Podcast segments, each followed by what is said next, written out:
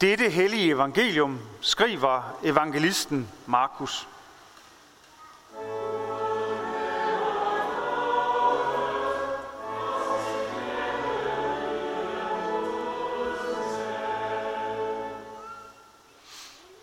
Jesus sagde, med Guds rige er det ligesom en mand, der har tilsået jorden. Han sover og står op nat og dag, og kornet spiger og vokser, uden at han ved hvordan. Af sig selv giver jorden afgrøde, først strå, så aks, så fuld kerne i akse. Men når, mor, når kornet er modent, går han straks i gang med sejlen, for høsten er inde. Og han sagde, hvad skal vi sammenligne Guds rige med? Hvilken lignelse skal vi bruge om det? Det er ligesom et sennepsfrø. Når det kommer i jorden, er det mindre end alle andre frø på jorden. Men når det er sået, vokser det op og bliver større end alle andre planter og for store grene, så himlens fugle kan bygge rede i det skygge. Amen.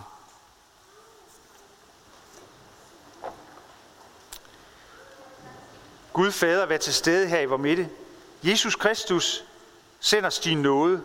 Gud Helligånd, oplys ordet for os. Amen.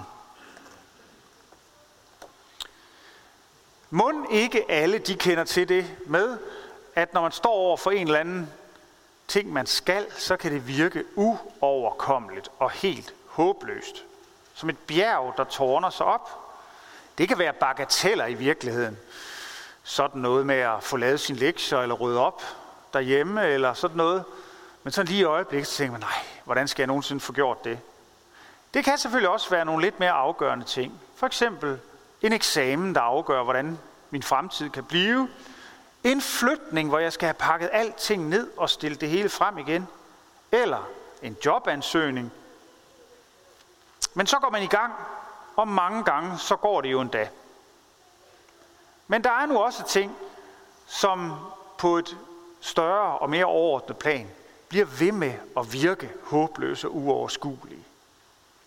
Og når vi sidder her en stormfuld februar søndag, hvor det blæser og hvor det regner, og hvor temperaturen i virkeligheden er alt for høj, og vi slet ikke kan synge det er hvidt derude, men kun det er vådt derude, og hvad det nu ellers er. Ja, når man står over for klimaforandringerne, så kan man godt blive noget få den her fornemmelse af uoverskuelighed og håbløshed. Hvordan skal vi sikre husene fremadrettet og vores kyster mod oversvømmelse? Hvordan skal de gøre i Australien? Først får de de største skovbrænde nogensinde, eller brænde i det hele taget, og derefter så regner det kraftigere, end det har gjort før. Hvordan forhindrer plastikforureningen i havet, som stort set har bredt sig ud over hele kloden? Og hvordan kan vi skrue ned for brugen af fossile brændstoffer, uden at hele infrastrukturen osv. i verden går op i limningen? Det er ligesom at stå efter en storm, kraftig storm eller en orkan og se på tusindvis af ødelagte huse, som for eksempel dengang på Haiti. De har faktisk ikke ryddet op endnu på Haiti, fuldstændig i hvert fald. Det er de råd til. Se på de tusindvis af ødelagte huse, eller i Ham, Hamburg eller Dresden efter krigen, 2. verdenskrig, så tænker man, hvordan skal det her nogensinde blive godt igen et sted, vi kan leve? Og sådan kan det jo også være på det nære plan. Bliver vi ramt af en krise, sygdom i den nærmeste familie, det overskygger alting. En fyring, en konflikt, der river en i tu, for eksempel en skilsmisse, eller et tab af en, man elsker. Det hele kan se uoverskueligt og håbløst ud. Hvad håb er der overhovedet? Hvis der overhovedet er noget, noget håb, er det som et lille sennepsfrø. Man kan næsten ikke se det. Eller som et korn, eller et frø, der ligger i jorden om vinteren. Det er der, men man kan slet ikke se det. Hvordan kan noget så småt blive til noget ordentligt? Hvordan kan noget, øh, noget så småt, ikke synligt, blive til noget stort, noget der bliver godt igen? Sådan kan vi spørge. Og nu hørte vi lige en tekst, Paulus læste, eller øh, Paulus har skrevet her øh, fra alderet, han har skrevet til Timotius, og der taler han om nogle oplevelser, han har haft, som ærligt talt også må have både været uoverskuelige og håbløse. Han skriver jo sådan her til Timotius om de forfølgelser og lidelser, han kom ud for i Antiochia, i Ikonion og Lystra. Og så sidder I nok alle sammen og tænker, jamen det ved vi godt, det er vi helt styr på, hvad det er for nogen. Men øh, hvis ikke I har det, så øh, har jeg faktisk tænkt mig at tage jer på en lille tur til det nuværende Tyrkiet. Det er nemlig der, de tre byer ligger. Antiochia, i Pisidien, Ikonien, Ikonion og Lystra. For der var Paulus. Og han var sammen med Barnabas gået ind til det sted, hvor jøderne holdt til i Antiochia. Og der havde han forkyndt evangeliet om Jesus, ham som var blevet korsfæstet, han var opstået, ham som de forkastede, jøderne forkastede, øh, han var nu øh, stået frem som verdens frelser. Og det forkyndte han for dem, og folk begyndte at lytte til ham. De kom i store mængder, ikke blot jøderne, men også mange andre folk af andre tros, øh, tros og religioner. Men så er der en koalition af fornemme mænd og byens førende gudfrygtige kvinder, som det hedder, der øh, jager Paulus og Barnabas ud af byen, og de må rejse videre, og de rejser så videre til Ikonion. Og der sker det samme igen. De går ind i synagogen, og øh, både jøder og grækere, altså græsktalende mennesker, kommer til tro på det, han siger, og de bliver der i lang tid og forkynder ordet frimodigt. Og Paulus, han gør også tegn og under, han helbreder mennesker der i Ikonion. Men samtidig er det som om byen, eller byen, den bliver simpelthen delt i to, for og imod Paulus og Barnabas. Nogen holdt med den ene flok, og nogen med, med, med Paulus og Barnabas. Og til sidst så øh, bliver der altså også der i Ikonion lagt en plan om at mishandle og stene Paulus og Barnabas, og så må de flygte videre til Lystra. Tredje gang, der sker mange af de samme ting, men i Lystra sker der også det, at vi hører om en af de helbredelser, Paulus der foretager. En mand, som ikke har kunnet gå, har været lam lige siden han blev født. Der rækker øh, Paulus, han ser fast på ham, og, og så siger han til ham, rejs dig og stå på dine ben. Og så går den her mand rundt. Men den episode, den løber helt af sporet. For i stedet for at se det som et tegn på, at Paul, den, den Gud, som Paulus forkynder, den Kristus, Paulus forkynder, øh, er sand, så bliver der en kæmpe opstandelse. Fordi de siger, Barnabas, det er Søvs, og Paulus er Hermes. Det er simpelthen græske guder i menneskeskikkelser, der er kommet. Og præsten ved Søvs templet, han får en stald, der skal ofres tyre og alt muligt, og de kommer med kranse og vil, vil kåre dem nærmest som, som øh, guder i menneskeskikkelser. Og så bliver Paulus jo helt bestyrtet og flænger sin kappe og får folk øh, styrter ind i folkemængden og taler til dem og fortæller, vi er jo bare mennesker. Det er slet ikke det, der det handler om.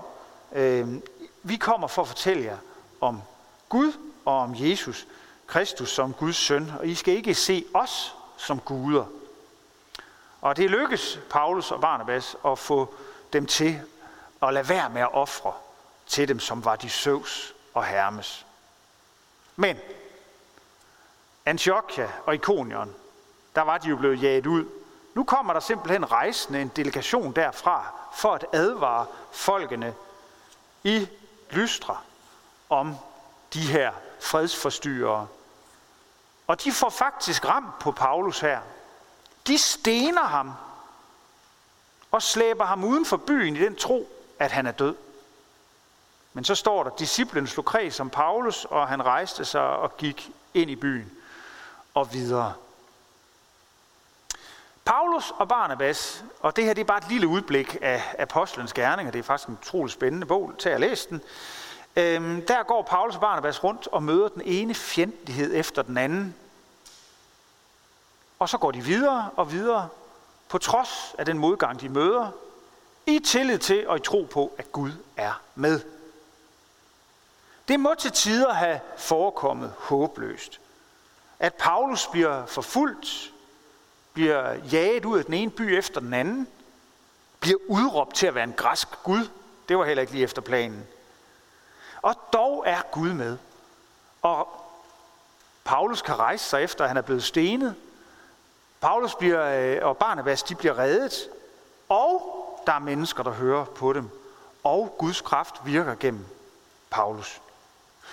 Og så er det jo det ved, at Paulus bliver jo den her afgørende figur, som er med til at få udbredt evangeliet hele vejen rundt om Middelhavet. Fra Israel over det nuværende Tyrkiet til Grækenland og til Italien, og det var i hvert fald hans akt også at komme til Spanien. Ligesom Paulus og Barnabas altså blev var jaget vildt faktisk. Sådan er der også øh, mennesker i dag, der bliver forfulgt på grund af deres tro på Kristus. Det sker i mange lande i Mellemøsten og Nordafrika, også et land som Nigeria. Det sker i, også i Nordkorea. Og at være i den situation, hvor kirker bliver brændt, og man bliver slået ihjel, fordi man er kristen, det kan forekomme fuldstændig udsigtsløst og håbløst. Men, som der, men der, hvor end det måtte være, så vel som i alle mulige andre sammenhænge, hvor vi møder modgang, der må vi bede, som vi lige sang det før, giv os vedekornets kraft og mod. Eller vi må bede om at få tro som et sennepsfrø. Og så oplever man også kristne, der midt i forfølgelsen står frem som vidner om kristen næstekærlighed. Det er de kristne i Ægypten. Er der flere eksempler på, hvordan de taler om tilgivelse og beder for deres fjender, i stedet for at gå til i frygt eller hævn og had. Vi må turde tro på Guds rige. At det er som et korn, der spiger og vokser af sig selv. Af Guds nåde. Og at selv det allermindste sennepsfrø kan blive til et træ med grene, som himlens fugle kan bygge reder i skyggen af. Fra noget, som intet er, eller i hvert fald ser ud til intet at være, til noget, der giver skygge, trøst og beskyttelse. For sådan er Guds rige, sådan er Gud, sådan er Jesus. Og det gælder overalt, at vi skal høre det. I Nigeria, i Ægypten og her hos os, i Herning. At det, der er småt, kan blive stort. Det ved vi jo godt. Vi kan bare se på de små børn. Det, der er småt, det kan blive stort. Vi ved det også for blomster i haven. Man kan ingenting se. Pludselig pipler det frem overalt. Og vi ved det fra evangeliet, hvis vi lytter efter. Så man kan se på billederne her på, på prædikestolen. Vi ved det fra det lille barn i krybben. Husvild, fremmed, fattig, blev flygtning. Og til med, og, og alligevel er netop han, barnet i krybben, himlens kongesøn, og ham, der bliver verdens frelser. Vi ved det fra ham, der døde på korset, som man kan se billedet her foran på. Han blev besejret. Han blev til synlædende til intet gjort. Men han opstod og besejrede synd og død og gav os alt et håb at leve på. En kærlighed at leve og dø på. Og det med, at det, der er småt, kan blive stort, det ved vi også fra dåben, som vi lige har været vidne til. Tre håndfulde vand, som Ellen og Tilde og Fred har fået i hovedet. Det er jo bare lidt vand. Det er næsten ingenting. Og det er børn, der hverken kan læse eller tale eller skrive eller formulere eller forstå trosbekendelsen overhovedet. Og dog er det den største gave fra Gud. At Gud handler frelsende og griber det lille barn og siger, du er min, du er mit barn, jeg er din far, jeg er med dig, og jeg vil sende dig som min budbringer med glæde og lys. Jeg vil omslutte dig med tilgivelse, når du svigter og fejler, og jeg lover aldrig at slippe dig. Jeg vil altid være hos dig, her i dette liv og ind i evigheden, hvor Guds rige bryder fuldt igennem. Det er tilsavnet i dåben, der i dag har lyttet. Det, der er småt, ja, det rummer i virkeligheden det allerstørste. Det må vi tro på, trods alt det, der vil lægge sig i vejen for kærligheden, og det, der kan se udsigtløst og håbløst ud. Vi må tro på, at Gud har fat i den lange ende. At kærligheden er stærkere end alt andet. Det må vi tro, trods alt det, der kan virke håbløst og uoverskueligt. For love is bigger than anything in its way. Kærlighed er stærkere end alt det, der kan stå i vejen for kærlighed selv. Basta. Amen. Lov og tak og evig ære være dig, hvor Gud, Fader, Søn og Helligånd, du som var, er og bliver en sand træen i Gud, højlået for første begyndelse, nu og i al evighed. Amen. Hellig Gud og himmelske Far, vi lover og tilbeder dig, som i godhed har skænket os livet og alle dets gaver. Tak for den jord, som du har skabt. Lær os at tage vare på den, så vi ikke ødelægger den klode, du har givet os. Vi takker dig for vores medmennesker. Lær os at se på hinanden som brødre og søstre, så vi værner om hinanden og ikke gør hinanden ondt. Vi takker dig for din elskede søn, som blev vores bror, som levede, led, døde og opstod for os. For Helligånden, som er midt i blandt os. For genfødelsen i dåben, for evangeliets lys og for dit nærvær og din velsignelse i nadvånd. Vi beder dig i dag for Ellen og Tilde og Frede. Vil du være med dem og bevare dem hos dig fra nu og til evig tid. Vi beder dig for din kirke ud over hele jorden, og også her hos os i Herningssovn. Tag ikke nådens og sandhedens ord fra os. Bevar os alle i troen og den indbyrdes kærlighed. Lad håbet om, at du kommer igen leve i blandt os. Giv os trofaste ledere og forkynder af dit ord. Forbarmt over mennesker, der far vild. Og vi beder for dem, der bliver forfulgt, fordi de tror på dig, hvor end det er i verden. Og vi beder om, at dit evangelium må komme ud til alle folkeslag. Vi beder for vores hjem og vores kære, for vores daglige liv med hinanden i arbejde og fritid. Vi beder dig om fred mellem nationerne og for folkenes regeringer. Skab du fred, forsoning og retfærdighed mellem israelere og palæstinensere. Vi beder dig om fred i Syrien, i Ukraine, i Afghanistan, i Irak, ja hvor som helst på hvor klode af mennesker lever vendt mod hinanden. Vi beder dig også for Danmark. Bevar os som et folk blandt folkene, og vi beder dig for alle lovlig øvrigheder og for alle med ansvar i vores samfund. Vi beder for dronning Margrethe og hele det kongelige hus, for regering, folketing, domstole, regionsråd og kommunalbestyrelse. Giv dem troskab og visdom til at forvalte deres magt og viden til værn for de svage og til gavn for alle. Vær nær hos alle fattige, alle forpinte og bedrøvede, de der sidder i fængsel og mennesker, der er flygtet fra deres hjemland. Vær nær hos forladte og ensomme, dem der mangler det nødvendigste til livets ophold.